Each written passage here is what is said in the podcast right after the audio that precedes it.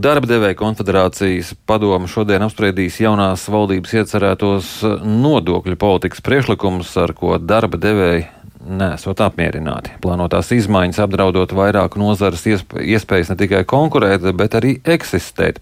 Tā norāda darbdevēja konfederācija, kas uz seju aicinājusi arī ekonomikas ministru Viktoru Valaini.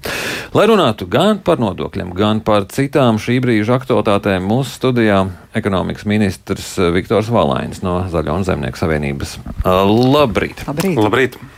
Nu, jāsaka tā, pēc diskusijām sociālajos medijos šobrīd grūti saprast, kurš no jautājumiem ir tas uh, aktuālākais, kurš visvairāk uh, satrauc uh, cilvēkus - nodokļi, hipotekārie kredīti vai darba spēks.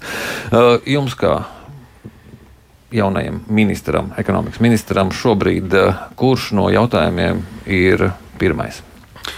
Es domāju, šobrīd uh, budžets lieliski atspoguļo to, kas ir uh, šīs valdības prioritātes, un uh, tā skaitā arī ekonomikas ministra prioritātes. Pirmajā lietā mēs liekam drošību, drošību lai izpildītu tos regulējumus, kas ir attiecībā uz mūsu drošības stiprināšanu likumā jau noteikts. Nākamais ir veselības aprūpe. Tātad veselības aprūpe, lai arī tur visas uzņemtās saistības tiktu izpildītas. Izglītības joma, lai arī izglītības jomā tas, kas tika solīts mediķiem, arī tas tiktu izpildīts. Un pēc tam jau ir šie te, dzīves dārdzības mazināšanas jautājumi, kas attiecās gan uzņēmējiem, gan iedzīvotājiem, lai uzņēmējiem saglabātu tos tarifus, kas viņiem ir stājušies spēkā pēc izmaiņām, un iedzīvotājiem, lai šis elektroenerģijas cenu pieaugums būtu samērīgs, nevis 300, 400, 500% apmērā. Tātad visas nozares, kas naudu tērē un nepelna. Uh, un uh, visas šīs nozares ir svarīgas, uh, Jā. jo mums jāveido ir kopējā mikrovīta. Jūs tā ļoti agresīvi pateicāt, nepelna. Tas ir, es tam absolūti nepiekrītu. Es uzskatu to, ka ikvienam ir svarīgi, lai būtu normāli, kārtīgi sakārtot veselības sistēma, izglītības sistēma. Bez šiem pamatelementiem attīstība nav iespējama. Bet nu, jūs tā novēršat uzmanību no savas ministrijas. Jūs aicinājām, lai saprastu tieši, kas ir tie svarīgākie darbi uz jūsu galda. Nozarēm jā. ir vajadzīga nauda. Tātad, Nodokļu nauda, kas nāk no ekonomikas. Un, jā, svarīgi ir uzņēmēji. Un, un tad, ja mēs skatāmies ekonomikas ministrijas jomā, tad, protams, ir budžeta programmas, kas ir šogad nākuši klāt. Tas ir šīs jaunu uzņēmumu ekosistēmas attīstībai, tas ir dubultā finansējums pret iepriekšējo gadu. Ja mēs skatāmies eksporta veicināšanai, tad ir speciāla eksportam un inovācijai tie 6 miljonu programma, kas būs, lai veicinātu un papildinātu tās struktūra fondu programmas, daudzās struktūra fondu programmas, kas jau šobrīd ir, un lai viņas savstarpēji veidot labāku miedarbību.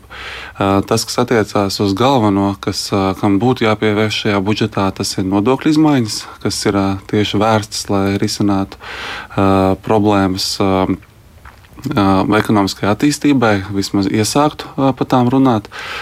Tiek uzlabota mikrouzņēmēju nodokļu vide, tiek ieviesti jauni dažādi atvieglojumi iedzīvot ienākumu nodoklī. Piemēram, ja uzņēmējs izvēlās sūtīt savus darbiniekus apgūt jaunas zināšanas, mācīties, tad par šiem darbiniekiem varēs saņemt atvieglojumus. Tāpat tā mums ir palaugstināts slieksnis, no kur jāmaksā uzņēmējiem PVN. Tā kā ir vairākas, vairāk jautājumu izdevies panākt, par ko varbūt sākotnēji daudziem bija šaubas, vai vispār kaut kas tur tiks iekļauts mhm. iekšā. Tad šajā gada budžetā tieši nodokļu izmaiņās, es domāju, tieši uzņēmējdarbības attīstībai ir vairāk punktu, kas ir tieši pārunāti ar uzņēmējiem radīti, iekļaut šajā budžeta paketē un tiks pieņemti. Un mēs jau tūliņ sākam darboties pie plašākām izmaiņām, kas saistās ar nodokļu izmaiņām kopumā. Šobrīd šīs ir, es teiktu, tādas vieglas izmaiņas, kas ir veiktas. Tās nav būtiskas, bet tās ir svarīgas. Bet, bet kas būs tās plašākās izmaiņas? Jo tas ir tas, ko darba devēja konferācijas vadītājs vairāk kārt ir uzsvērs. Sarunas risinās nepārtraukti dažādās darba grupās, bet tām sarunām iznākums ir tāds, ka šķiet, ka visi runā, bet sadzirdēta es, nav. Es saprotu viņus, bet jāsaprot, šī ir jauna valdība, kas sāka strādāt vēl no mēneša nostrādājusi, bet divās nedēļās spējas jau apstiprināt budžetu budžeta prioritātes valdībā. Arī tas jānovērtē. Es domāju, ja atcerēsimies, iepriekšējā valdība to darīja trīs vai četrus mēnešus. Tā kā uh, ir būtiska atšķirība uh, ātrumam, kāda spēja valdība strādāt. Uh, tas, kas attiecās uz uh, šīm iepriekš darītajām darba grupām, te ir jāsaprot, neviens neko neslausīs slot projām. Uh, mēs vērtēsim un skatīsimies tos. Uh, tos uh, priekšlikumus, kas jau ir bijuši iesniegti un kopā ar nevalstiskām organizācijām diskutēti. Viņi kas ir tie priekšlikumi? Aizmirst. Tas ir tas, ko darba tas... devēja saka, ka šobrīd tas, kas nākamajos gados ir paredzēts, patiesībā nevis nāk viņiem palīgā, bet apdraud. Nu, būsim, būsim precīzi. Ja mēs pastīsimies šo preses relīzi, viņi nav tāda vispārnāta. Tas virsraksts, protams, ir tāds ļoti vispārīgs, ja, un jūs viņu arī šobrīd tā vispārīgi pasniedzat. Tāpēc arī jums vaicājam, kas ir tās būtības, detaļas šajā tā, plānā? Tad, pēc būtības šis pārmetums ir pa vienu specifisku nodokli nodokli, tātad akcijas nodokli paaugstināšana tiem uzņēmējiem, kas darbojas speciālās ekonomiskajās zonās. Kopumā tie ir aptuveni 30 uzņēmēji. Esmu gatavs par šo specifisko nodokli arī parunāt ar, ar uzņēmējiem. Es šodien to darīšu un izskaidrošu, kāpēc ir šāds lēmums pieņemts. Te ir jāsaprot, ka šāds lēmums ir pieņemts ļoti samērīgs. Viņš ir saprātīgā veidā ieviests trīs gadu pārējais periodā. Pie tās situācijas, kāda ir mūsu klimata izaicinājumi, pie tās situācijas, kādas ir OECD rekomendācijas.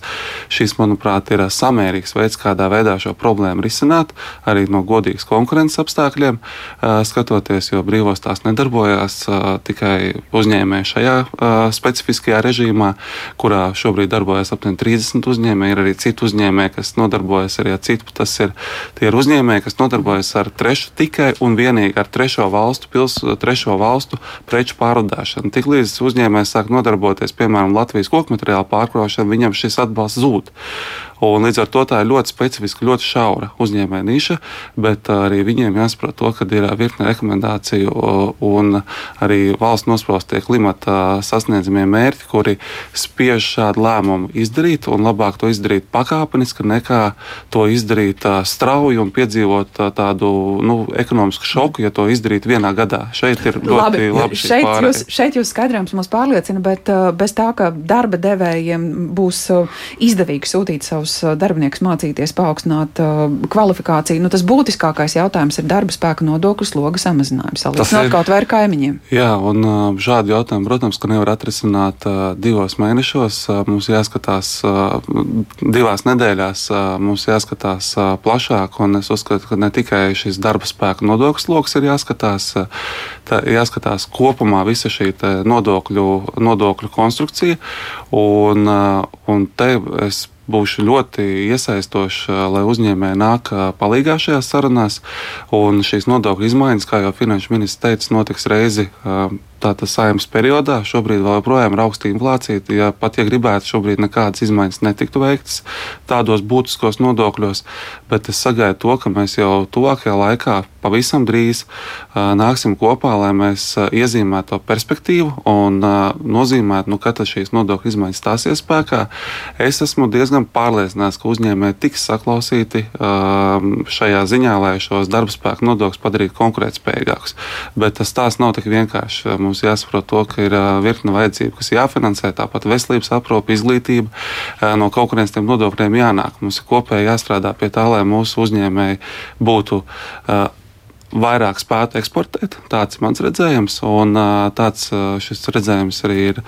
Mēs esam vienās domās arī ar uzņēmējiem. Viņi šajā jomā jums piekrīt un saka, ka mums ir vajadzīgs darba rokas, kurš šo darbu darīs, lai būtu ko eksportēt. Tas ir vēl viens jautājums, kas noteikti būs apspriedis.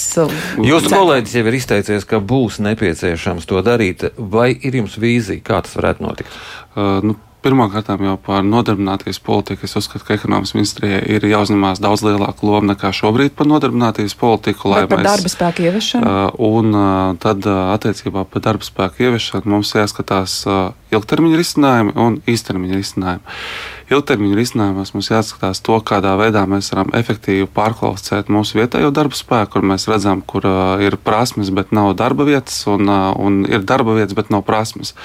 Un te ir uh, ilgtermiņa risinājumi, kur mēs pavisam drīz jau nāksim ar uh, nodarbinātības politikas uh, cilvēku kapitāla attīstības uh, informatīvo ziņojumu, uh, kur šiem jautājumiem mēs sniegsim šīs atbildes. Tas darbs notiek iesaistot trīs ministrijas - izglītības izglītības un labklājības, bet par šiem īstermiņa risinājumiem mēs redzam tādas ļoti aplamas birokrātiskas lietas, kas šobrīd kavē uzņēmēju spēju piesaistīt darba spēku, kas ir augstu pievienoto darba spēku, kas ir IT jomā vai citās jomās, kur, kur ir ļoti būtiska pievienotā vērtība, bet uh, nav kas šo darbu dara. Cik biro... ātri jūs esat gatavs mainīt šīs birokrātiskās prasības mazināt? Un uh, te ir jāsaprot, ka uh, šobrīd ir jau izstrādāti četri normatīvie regulējumi, kurus es vēlreiz aicināšu ar uzņēmēju organizācijām pārunāt, kas attiektos tieši uz augstu kvalificētu darba spēku piesaisti. Un mēs jau tuvākajā laikā uzsāksim sarunas ar atsevišķām jomām, piemēram, būvniecības jomu, lai identificētu nepieciešamu apjomu, kas tad ir tas, kas iztrūkst šobrīd darba tirgu, un vienotos par to, kādā veidā mēs to jautājumu varam pēc iespējas ātrāk un kontrolētā veidā risināt. Tas, kas šobrīd ir identificēts, mums ir tāda milzīga pelēkā masa, tātad šie darbinieki, kas ir īres darbinieki, kuri nemaksā nec šeit pilnvērtīgi nodokļus, nec mēs viņus varam jebkādā veidā uzskaitīt. Mhm. Un tie ir tie darbinieki, kas iebrauc ar polijas darba atļaujām, ar Igaunijas, Lietuvas darba atļaujām. Būvniecība, IT, kādas vēl jomas? Nu, protams, pakalpojumu jomā tas ir kafejnīcas, kafejnīcas viesnīcu, viesnīcu joma. Ir vairākas, vairākas nozares lauksaimniecībā. Šobrīd jau izdodas risināt šos problēmas, bet, bet skaitliski, mēs esam. Skaitliski, cik jūs redzat, cik darba spēks būtu nepieciešams? Es jums skaidri šodien nesaukšu. Tie ir iepriekš sauktie skaiti, manuprāt, īsti neatspoguļo to reālo vajadzību un ir stipri pārspīlēti, bet es domāju, ka mēs no nozarēm tiekoties, spēsim identificēt, spēsim identificēt reālo nepieciešamo. Šobrīd tieši dēļ šīs mākslīgi veidotās birokrātijas šie, šie saveidotās birokrātijas dēļ šie skaitļi nav objektīvi. Restīvi uzņēmēji, piemēram, sludina uh, darba sludinājumus, mm -hmm. speciāli stāv darba sludinājumi, kur faktiski viņiem nemaz tas darbinieks nav vajadzīgs, bet viņi viņu tur ar domu, ka tajā brīdī, kad viņam vajadzēs to darbinieku, lai viņš izpildīs šo likuma prasību, ka viņam mēnesī jātur šis sludinājums. Jā. Nu jā, un tad mums būs Restīvi... darbinieki, kas strādā, sniedz pakalpojumus, ražo preces. Jūs minējāt, ka eksports aizvien ir ekonomikā ir ārkārtīgi svarīgs, un aizvien būs uzņēmumi, kas savus preces eksportē uz austrumiem. Tāda šobrīd uh, ir izveidojusies situācija. Protams, es to nekādā veidā uh, neatbalstu. Es uzskatu, to, ka arī šobrīd, šobrīd mums ir tas, es domāju, pa austrumiem mēs runājam Krieviju un Baltkrieviju, kas turpina šo savu sadarbību.